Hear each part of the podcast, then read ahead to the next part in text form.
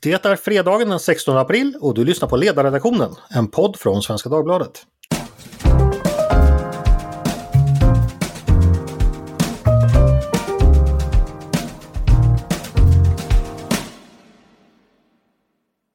Varmt välkomna ska ni vara! Jag heter Andreas Eriksson och jag har återigen lyckats samla Svenska Dagbladets ledarredaktion kring mig för att tala om veckans händelser. Det brukar vi göra varje fredag och det brukar vara ett trevligt och bra tillfälle för lite eftertanke kring vad som timat under veckan. Med mig har jag Mattias Svensson, det främsta som har kommit ut ur Karlskrona sedan kryssaren HMS Göta Lejon tog sin tjänst. Välkommen Mattias! Tack så mycket! Jag måste bara fråga dig Mattias. Jag såg att du idag skrev och skröt lite på Facebook om att din skönsång numera är inskriven i den svenska politiska historien. Vad menar du med det? Ja, det var ju en skönmålning, men, eh, men mitt skrål i alla fall. Ja, eh, vad är bakgrunden det, det in... till detta? Eh, jo, det, det, är en liten anekdot som eh, inleder Nils Lundgrens och Eva Nissers kommande bok om Junilistan som kommer ut på Timbro. Uh, och på valvakan efter valse uh, om, omröstningen om euron uh, så när, när de kom in så, så stod jag och pratade till folk på valvakan och stämde då upp igen For he's a jolly good fellow. Ja, ja. så historien om junilistan börjar med att du sjunger helt enkelt? Ja, i, i bokversionen gör den det och eh, därmed så är ju min sång inskriven i den politiska historien och det finns ju andra som har kommit betydligt sämre ut ur sådana erfarenheter. Onekligen, onekligen. Inte minst i ditt parti, Folkpartiet. Och så har vi också med oss Peter Wennblad, redaktionens biträdande chef och ständiga Gotlandskorrespondent. Välkommen Peter! Tack så hemskt mycket! Har du någon liknande plats i den politiska historien? Oj, det var en bra fråga. Eh, jag vet faktiskt inte det. Jag älskar att äga. Ja, just det. Med en krämig cappuccino. Ja, jag har väl formulerat några, o, liksom, skrivit några odödliga formuleringar. Men eh, ja. eh, vi ska bara påminna ja, lyssnarna om att du är här. Äh, jag älskar att äga var då Moderata ungdomsförbundets slogan om några år, för, under några år runt millennieskiftet. Och den krämiga cappuccinen var ju den väldigt hedonistiska copy som magasinet Neo lanserades med 2006. Den här Jag älskar att äga-kampanjen var ju eh, faktiskt slutade ju med att ärkebiskopen tog avstånd från kampanjbudskapet. Det är väl, jag tror kanske vet inte om det har hänt efter det. Nej, det är onekligen en insats. Och sen eh, har vi förstås Tove Livendal, politisk chefredaktör med, med oss. Hon är numera oftast baserad i hemmastaden vid Fyrisån. Välkommen hit Tove! Tack så mycket! Eh, du och politisk sång, finns det någonting att berätta om det? Jag vet inte det jag.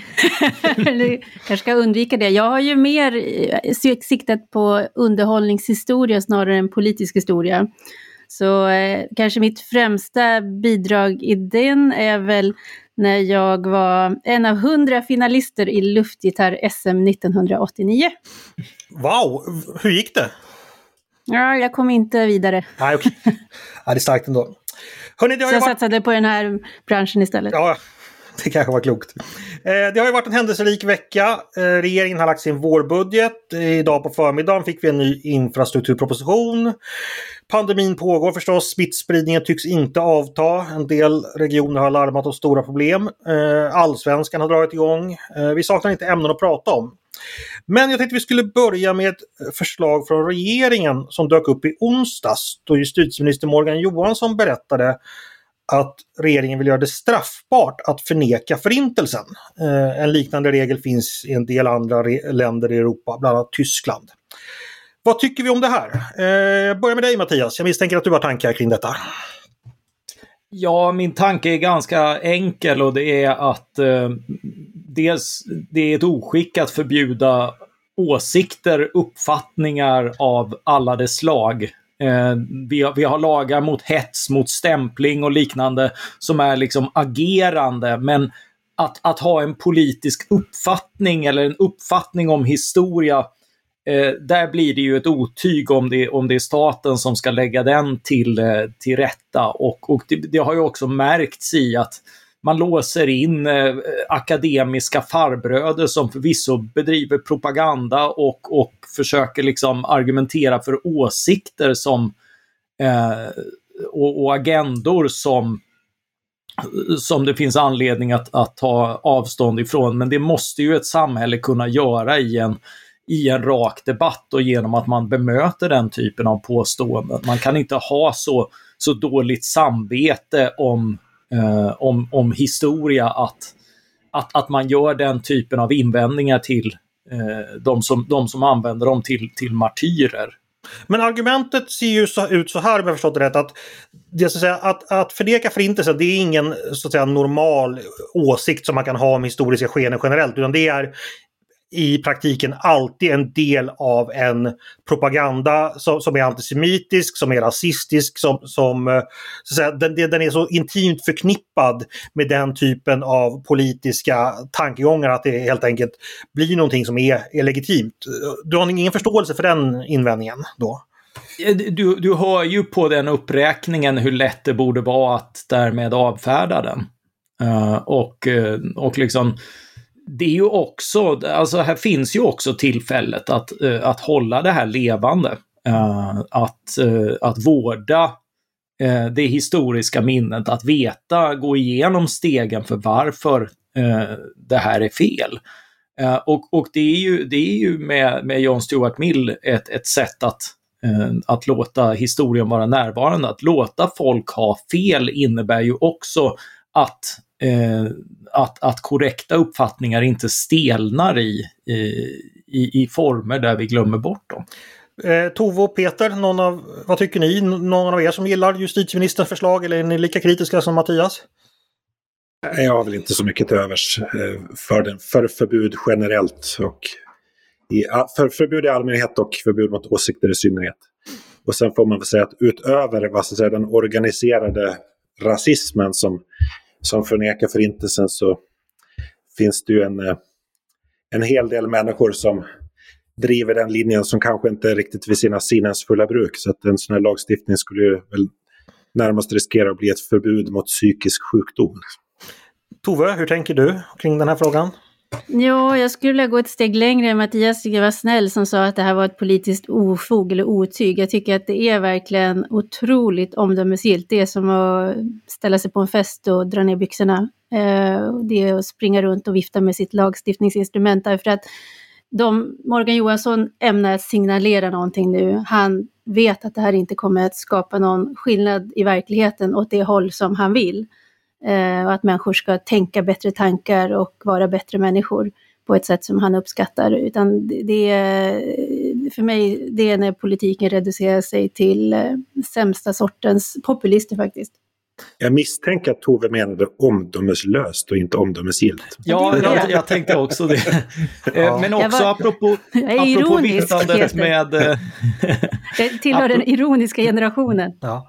Apropå viftandet med lagstiftningsinstrument så är det ju så att i exempelvis Tyskland du nämner så har man ganska långtgående inskränkningar, inte bara mot det här. Där är det ju till exempel förbjudet att, eh, att säga att eh, den turkiske ledaren Erdogan har en liten penis, vilket eh, är tillåtet i fria länder. Men eh, vad tror ni? Jag är ledsen för att jag öppnade den här boxen. Ja, vi, vi, vi försluter den omedelbart och, och sätter på diverse spärrar och lås och sil. Nej, men alltså så här. Eh, justitieministern vill ju ha en parlamentarisk kommitté där alla riksdagspartier ska ingå för att utreda den här frågan. Tror ni att något annat parti kommer ställa sig bakom hans idé? Jag, jag, jag hoppas inte det, därför att vi har en väldigt stark eh, yttrandefrihetstradition i, i Sverige eh, av, att, av att vi liksom inte kriminaliserar åsikter och det här har ju avvisats tidigare. Det kommer ju ofta i diverse internationella konventioner och liknande krav. Men, men det är klart att möjligheten att få posera i värdefrågan som om det handlade om att man var, var liksom för eller emot förintelsen i princip. Eh, den, den typen av dum retorik eh, ska man kanske inte utesluta att någon ändå faller för. Morgan Johansson har ju uppenbart gjort det. Ja, för det tänkte jag fråga. Är det så att finns det, är det en tillfällighet att det här kommer just nu eller ska vi förstå det här att det ingår i så att säga tidens tidens mönster av att signalera snarare än att mena allvar med diverse olika förslag och retorik. Hur tänker ni där? Jag tycker det är alldeles uppenbart att det är så. Mm. Ja, ja, men också kommer det ju bli så att de som kommer stå längst fram och vara emot det här förslaget, det är ju de partier som Morgan Johansson i alla andra sammanhang gör sitt bästa för att brunsmeta. Och då blir det här, det här blir bara ett sätt att fläcka ner eh, andra partier. Alltså då hamnar man i den här, eh, kanske outtalat om den här löjliga diskussionen om man är för eller emot förintelsen, vilket det ju inte handlar om. Ni har inga höga tankar om Morgan Johanssons motiv till det här, det, det hör jag ju. Men vad tror vi då? Eh, blir det verklighet eller inte? Vad gissar du Mattias? Nej, det tror jag faktiskt inte. Jag tror det här är ett skott i foten. Mm. Bra, eh, då har vi gått igenom det. Jag tänkte vi ska vidare till nästa ämne. Eh, och vi kan ju förstås inte låta pandemin lämnas okommenterad eh, en enda vecka här. För den, som jag sa så har vi fortfarande ett stort antal smittade. Eh, vaccinationen pågår. Jag såg nu att nästan 90% av alla personer över 80 i Sverige har nu fått i alla fall sin första spruta. Och ungefär 70% av dem mellan 75 och 79 år. Så det går framåt i alla fall med vaccinationen. Tänkte vända mig till dig Peter. Du har skrivit två texter i veckan om, om pandemin och en av dem så riktar du ganska skarp kritik mot hur eh, Folkhälsomyndigheten informerat svenskarna. Du menar att vi har blivit vilseledda. Eh, hur då? Jag har haft den uppfattningen ända sedan förra våren. Så oavsett vilket vad man har för åsikter kring hur Sverige bör hantera pandemin, graden av nedstängning, vilka restriktioner som ska införas, så måste det vara transparent på vilka grunder man fattar beslut. Transparens i hur man ser på verkligheten och ser på utvecklingen. Transparens i hur man planerar framåt. Vilka, vad har vi för kriterier för när vi kan lyfta restriktioner? Inget av det här har funnits på plats. Alltså det har varit som en, en mörk låda på vilka grunder både Folkhälsomyndigheten och regeringen har fattat många av sina beslut. Och dessutom, eh, alltså den här ledaren jag skrev i veckan om att vi har blivit vilseledda. Folkhälsomyndigheten byggde ju på rapporteringen av Ekot i Sveriges Radio. Det handlar ju om att Folkhälsomyndigheten har gett, har gjort alltså orimliga tolkningar av smittspridningsläget. Alltså har kallat en kraftig smittspridningsökning i början på hösten för en liten försiktig ökning. Och det är ju den här typen av, jag skulle säga, önsketänkande som det ofta har handlat om. Som hela tiden har gjort att de svenska insatserna har satts in för sent. Eh, vi har ju varit väldigt sena i starten, liksom, gång på gång. Mm. Du säger önsketänkande, är det det som är den huvudsakliga förklaringen bakom det här, tror du? Jag, jag tycker att eh, jag har funderat mycket under det här året vad det är som har styrt Folkhälsomyndighetens agerande och deras bedömningar. Och jag, jag har egentligen inget riktigt svar. För mig har det många gånger varit obegripligt att se presskonferenser eller höra intervjuer med, med Anders Tegnell och liksom höra det han säger och jämföra det med, med den data som finns. Alltså jag, jag är inte jag är bara hobbyepidemiolog, men jag kan matematik och sannolikhetsbedömningar i hygglig grad. Och det har liksom inte funnits en, någon överensstämmelse mellan de muntliga budskapen och underlagen som har legat till grund för det. Men jag, jag har faktiskt inget svar, riktigt svar. Det är väl Anders Tegnell och Folkhälsomyndigheten som får svara på det, men jag vet inte. Peter vet inte men kan tänka sig att önsketänkande finns med. Vad säger ni andra? Har ni några förklaringar? Eller håller ni med Peters verklighetsbeskrivning? Tove, vad säger du? Ja, men det gör jag. Jag tycker att det eh, en, en av de där tillfällena när det blir väldigt tydligt att bristen på transparens eh, och att behandla svenskarna som ett vuxet folk blev ju kring den här situationen i Stockholm när Eh, Eh, det visade sig att många av de äldre då som bodde på särskilda boenden och som drabbades av covid, de skulle då inte få vård utan de skulle få palliativ vård, så att de som mer lämnades att dö, eh, om än med, i, liksom, på ett mjukt sätt. Och den informationen, eller den situationen, den kom ju så av att prioriteringen var att hålla liksom plats på sjukhusen, på intensivvårdsavdelningar och man ville liksom hålla kapaciteten igång i sjukvården för att kunna ta hand om dem eh, som då var mest akut sjuka. Och givet att det finns ändliga resurser så är det en prioritering som måste göras. Man måste hitta någon slags eh, nivå. Var tar vi in alltså den här triageringen som man gör? Men då måste man berätta om det. Man måste berätta för alla anhöriga och de boende att nu kommer vi att göra så här. Läget är sånt nu att är det så att man får covid, då kommer ni att få palliativ vård. Ni kommer inte få någon annan. Ni kommer inte, vi kommer inte kunna erbjuda er läkarsikt och ni kommer dessutom inte att kunna träffa era anhöriga för att de får inte komma in på boendena. Och att gå ut med en sån information, det är väldigt, det är på ett sätt och det är inte något besked som någon vill ge, men det hade varit det schyssta. Därför att då hade anhöriga själv, precis som en eh, familj som jag skrev om, kunnat fatta det kollektiva gemensamma beslutet i den familjen att vi plockar hem vår äldre därför att vi tycker att det är värre om, om mamma får dö själv än att risken att vi kanske smittar henne hemma. Så att de, de liksom enskilda familjer, vuxna människor måste kunna fatta sådana beslut, men då bygger det på att myndigheterna också är transparenta med hur deras prioriteringar ser ut och det har vi ju saknat. Vad skulle politiken ha gjort i sin kommunikation? Eh, för jag tänker att det kanske har brustit där också. Eh, vad säger du Peter? Ja, men i, i alla andra politiska processer eh, så finns det ju någonting som kallas för beredningstvång. Alltså att man ska alla åtgärder, alla lagar som stiftas. Och så det, det är ganska omständiga processer bakom. Eh, så att det blir tydligt på vilka grunder man fattar beslut. Eh, och det är det jag tycker politiken skulle ha gjort. Alltså, man skulle ha redovisat tydligt underlaget för sina beslut, för scenarierna framåt. Alltså, jag tror i ett sånt här läge som vi har varit det senaste året, du kan aldrig vara tydlig nog, aldrig överinformera. Liksom. Men det har varit otroligt dunkelt.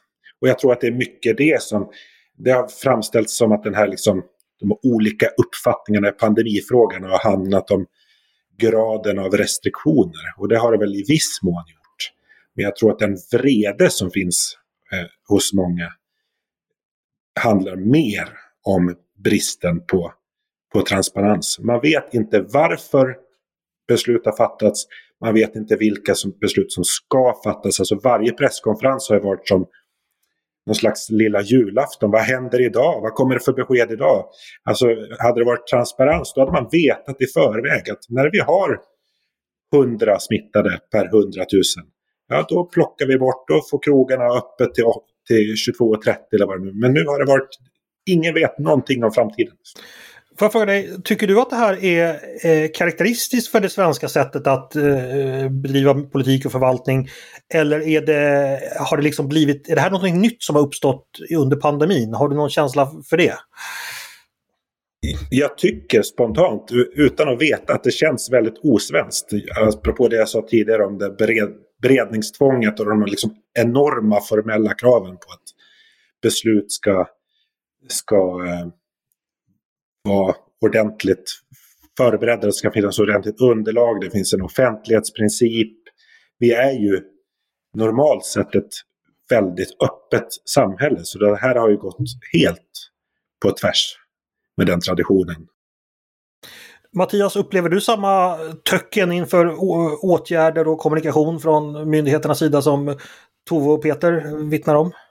Eh, ja, på ett annat sätt. Jag har väl inte följt det lika nära. Eh, och eh, det, eh, det, det, är skönt när andra springer på de bollarna.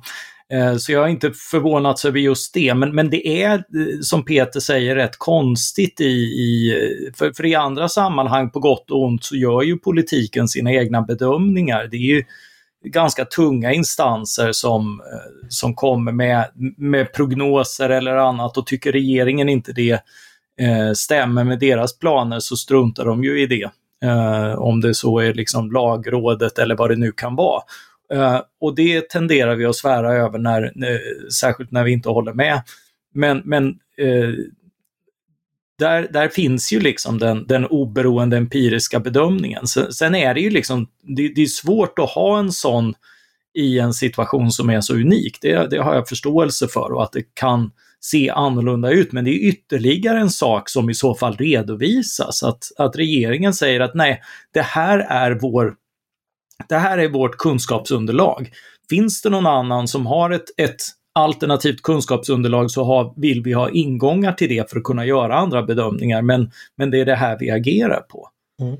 Jag tänkte lite på framtiden. Eh, givet att det är som ni säger att vi, det har varit en mystisk och märklig och, ja, eller om man så vill, osvensk eh, hantering. Vad får det för konsekvenser för framtiden tror ni? Eh, kommer det påverka förtroende för politiker, för myndighetskommunikation eller för hur vi gör saker i landet? Är det någon av er som har funderat på det? Jag har ju alltid förhoppningen eh, när vi dyker in i kriser av olika slag, för då brukar människor upptäcka civilsamhällets eh, styrka och de brukar upptäcka att politiken inte är så mycket att hålla i handen alltid. Och sen är det som att vända upp och ner på en sån här sugpropp. Det funkar ett tag och sen släpps det och så går man ändå tillbaka och efterfrågar mer politik och mer styrning och mer, mer av det där som bara politiken kan göra. Sen tycker jag att en annan sak som eh, vi borde ta med oss framöver, det är ju insikten att vi har tillåtit vissa politiska idéer att fungera som en slags överbyggnad i, eh, förvaltningarna som kan få förödande konsekvenser i praktiken. Jämlikhet är ju en sådan, eh, där vår folkhälsopolitik styrs med liksom jämlikhet som uttalat politiskt mål men där det i konsekvensen innebar till exempel att de eh, arbetsplatser som började ta hem medarbetarna och se till att de fick jobba hemifrån snarast fick bannor av statsepidemiologen snarare än beröm för att de eh, dämpade mängden som var ute och rörde sig i samhället. Eller att det blev för sent innan det Eh, påmindes om att Sverige och svenskarna inte är, lever under jämlika förhållanden och inte har jämlika villkor att kunna skydda sig mot en pandemi. Så att det där blev ju en, en, en fin och tjusig överbyggnad som fick väldigt drastiska konsekvenser. Och det där är ytterligare en aspekt som visar att pandemihanteringen har varit vad säga, osvensk. Alltså bristen på försiktighetsprincip. Alltså Sverige är väl i vanliga fall närmast världsmästare på på försiktighetsprincipen. Eh, men här gick liksom civilsamhället före, precis som Tove sa, låta medarbetare jobba hemma eller liksom uppmana dem att stanna hemma då efter sportlovet i fjol. Medan eh, alltså den officiella politiken har varit ganska oförsiktig och chansartad. Så, vi kollar en vecka till hur det går ungefär. Vi kommer säkert få anledning att återkomma förstås till pandemin i kommande veckopaneler. Eh, nu ska vi byta ämne och eh, till någonting lite lättsammare. Vi ska nämligen prata om alpackor i Söderköping. Och finns det alpackor i Söderköping undrar ni? Det gör det faktiskt. Och Tove kan berätta, vad är grejen med alpackorna i Söderköping? Ja, du förstår, det är landets första kommunanställda alpackor Mm -hmm. och de, eh, det finns många följer... statsanställda tidigare? ja, det här är, det här är, så är det. De, de är anställda för att uh, hjälpa till med arbetsträning för personer som är långtidsarbetslösa och står långt ifrån arbetsmarknaden. Och de följer ju då de här alpackorna, de fyrfota djuren här, de följer ett mönster där många goda syften och mål och intentioner samsas i ett enda projekt. Ett ögonblick bara Tove, alltså man har varit arbetslös väldigt länge och vad ska ja. man då lära av alpackorna är det tänkt? Man ska bland annat lära, alltså så här är det ju om vi ska vara allvarliga en stund så är det detta med långtidsarbetslöshet kan vara en jättesvår nöt att knäcka och det finns naturligtvis grader där också men här finns också de människor som ibland finns i de här fas 3-projekten och allt vad det heter, som varje regering, oavsett vad projekten kallas, kommer att ha svårt att få in på arbetsmarknaden. Och där kan det vara mm, allt ifrån eh, som obefintlig självkänsla, självförtroende, sociala färdigheter som saknas, saker som är liksom du behöver ha ett mått av för att kunna fungera på ett jobb men som inte finns där hos individen. Och det behöver då sakta byggas upp. Och det man då har sett på flera håll i olika projekt är ju då att, att jobba med djur av olika slag. Hästar är ju liksom, finns det flera projekt runt om i Sverige, eh, men kan ha en, en positiv effekt på att bygga upp individer igen. Så det, det, finns liksom framgångsrika exempel med detta. Sen finns det ju då, det är ju ohyggligt tacksamt som ledarskribent att skriva om söta djur som ser konstiga ut liksom, mm. på fyra ben. För att, för att det, ja, En så, så kallad smashboll. ja, men det är det, så man kan inte låta bli. Men jag ska ju då erkänna att eh, nu har jag, gjorde jag liksom en relativiseringsövning i min artikel om det här med det här kamelcentret i Angered och jämförelse med det så framstår ju de här alpackorna som otroligt oskyldiga och, och det, det, det är liksom tre stycken små rara alpackor som förhoppningsvis gör nytta men framförallt då inte kan göra så mycket skada. Och sen har jag också haft en, en fin mejlväxling med enhetschefen arbetsmarknad i Söderköping som också tycks väl medveten om de fallgropar som finns när kommuner bestämmer sig för att tänka utanför boxen. För ibland så innebär det att man hittar någonting bra och ibland så innebär det att man liksom går helt fel. Men eh, han verkade i alla fall väldigt medveten om de fallgropar som finns och det kändes gott. Med tanke på att Arbetsförmedlingen varje år har fått lämna tillbaka många miljardbelopp till staten för att man, som man inte har lyckats att göra av med på projekt för långtidsarbetslösa så kan vi kanske få se betydligt fler alpackor här i, i framtiden. Det, det kan bli statligt anställda alpackor också. Alltså jag tänkte det här, det här med politiska djur är ju alltid ganska intressant. Jag tänkte bara kort testa era kunskaper om det. Eh, om ni har koll på politiska djur i historien. Och det första jag skulle säga då det är Pippi Bengtsson. Eh, ringer det någon klocka någonstans? Oh ja, han, eh, han är förstås med i min bok om alkoholpolitik. Torsten Pippi Bengtsson, Centerpartisten, vad, burfåglarnas vad vän. Precis. Han kallade det så för att han ville befria alla Sveriges burfåglar. Och resultatet blev naturligtvis att han gick till polit, politik, Sveriges politiska historia inte som skönsångare utan som Pippi Bengtsson helt enkelt. Bara för detta förslag. så att man får passa sig. Eh... Kalle Lind har ett, en väldigt kul passage om det där i 51 fem, festliga riksdagsledamöter. Vi har en till här. Snoken Dixon, känner ni till honom? Nej. Det ringer ja, en klocka ja, men jag... Ja. Du har skrivit om honom i Neo vet jag. Men... Ja, alltså James Dixon då eh, från Göteborg som var högerpartist, som var en mycket allvarlig man. Han uppträdde ju en gång i andra kammaren med en snok. Eh, och det, det blev han känd då för resten av sin karriär, just det där med snoken. Och jag kollade upp det där faktiskt. Och grejen var så att han hade varit på landet helgen innan och hans barn hade hittat en snok som då familjen tog hand om. Och sen tyckte han att han behövde vårda den där snoken så han tog med sig snoken på tåget till Stockholm dagen därpå och hade med sig snoken i riksdagen Alltså även när han gick upp och höll eh, anföranden. Och därefter liksom var hans karriär dömd till att ständigt bli liksom Snoken Dixon. Så att det där med, ja nej men man, man får passa sig. Det, det, är lätt att hamna i djurfacket men svårt att komma, komma ja, därifrån. Fråga Eskil Erlandsson. El, ja precis, jag tänkte... Du, du, du hann före mig. Eh, låt mig ge några låt mig då ta några exempel. ja, eller Jens Orback tänker jag också. Där var ju också en mm, häst, mm, ja. ett djur inblandat. Så att, ja, finns det någon som har lyckats eh, gjort något bra av, av att involvera djur? Det, det, det, det, det är oftast det är inget bra. Jag tänker också på vår vän Jan Emanuel. Han skulle ju åka till Thailand en gång för att befria apan Ola, ifall ni minns apan Ola.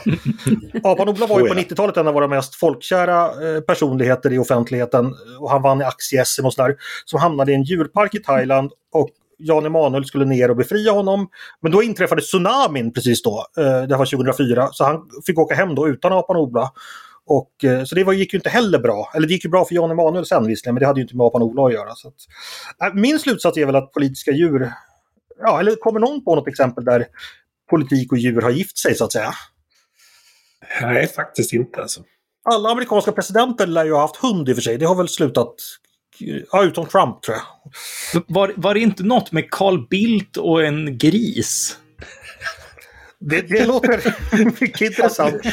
Ja, jo, nej, men alltså att det blev en rätt söt bild av, av det där. Eh, och, och, att det gifte sig rätt bra när Östermalmsbon med oljerock kom och tog hand om grisar på, på någon gård vid något. Ja, ja jo, jo, det, det blev inte lika bra när Göran Persson skulle dansa med kossan Doris. Jo, nej. men det var väl en stor succé? Ja, det var ingen riktig kossa, så det kanske bryter ja. förbannelsen då. Eller, de, var... de fick inte rösta, de som tyckte att det var kul. Nej. Hörni, eh, jag tänkte vi skulle bara avsluta med en eh, fråga som jag vet att en del läsare är lite nyfikna på. Och det gäller ju så att idag är det fredag, men tidningen kommer ju komma ut på lördag och söndag och måndag också. Så jag tänkte be dig Tove, nu när du ändå är här. Hur gör ledarskribenter då? Jobbar vi på helgen eller hur, hur gör vi? Kan du avslöja Ja. lite? Ja, det kan jag göra. Fredagar är vår mest intensiva produktionsdag därför att vi försöker förproducera så att vi också kan ta helg och så att vi kan svara på frågor här i podden om vad vi ska göra i helgen och inte svara jobba på den frågan. Eh, så att vi gör eh, och förbereder för tidningarna både lördag, söndag och måndag men behöver naturligtvis hålla koll på om någonting händer som känns angeläget att kommentera och då får vi stuva om och skriva nytt under helgen. Mm. Men lite helg unnar sig även ledarskribenter kan man, i vanliga fall i alla fall. Absolut, ganska mycket helg försöker vi unna oss. Just det. det ska bli det säger chefen. Ja. Eh, Då ska vi bara avsluta med, som vi brukar avslöja, att berätta lite, eh, ja, ge ett litet tips inför den stundande helgen som helst inte är så deprimerande om att jag ska bara sitta hemma och vänta ut pandemin. För nu hoppas jag att ni har lite roliga tips till läsare och lyssnare på vad man kan hitta på. Ska du börja Mattias? Så roligt ska vi inte ha det. Tänkte jag, men eh, det är ju eh, april och eh, mycket fotboll. Eh, och mitt lag i engelska ligan är ju inblandat i ganska många tävlingar fortfarande. Så det är semifinal i helgen i FA-cupen.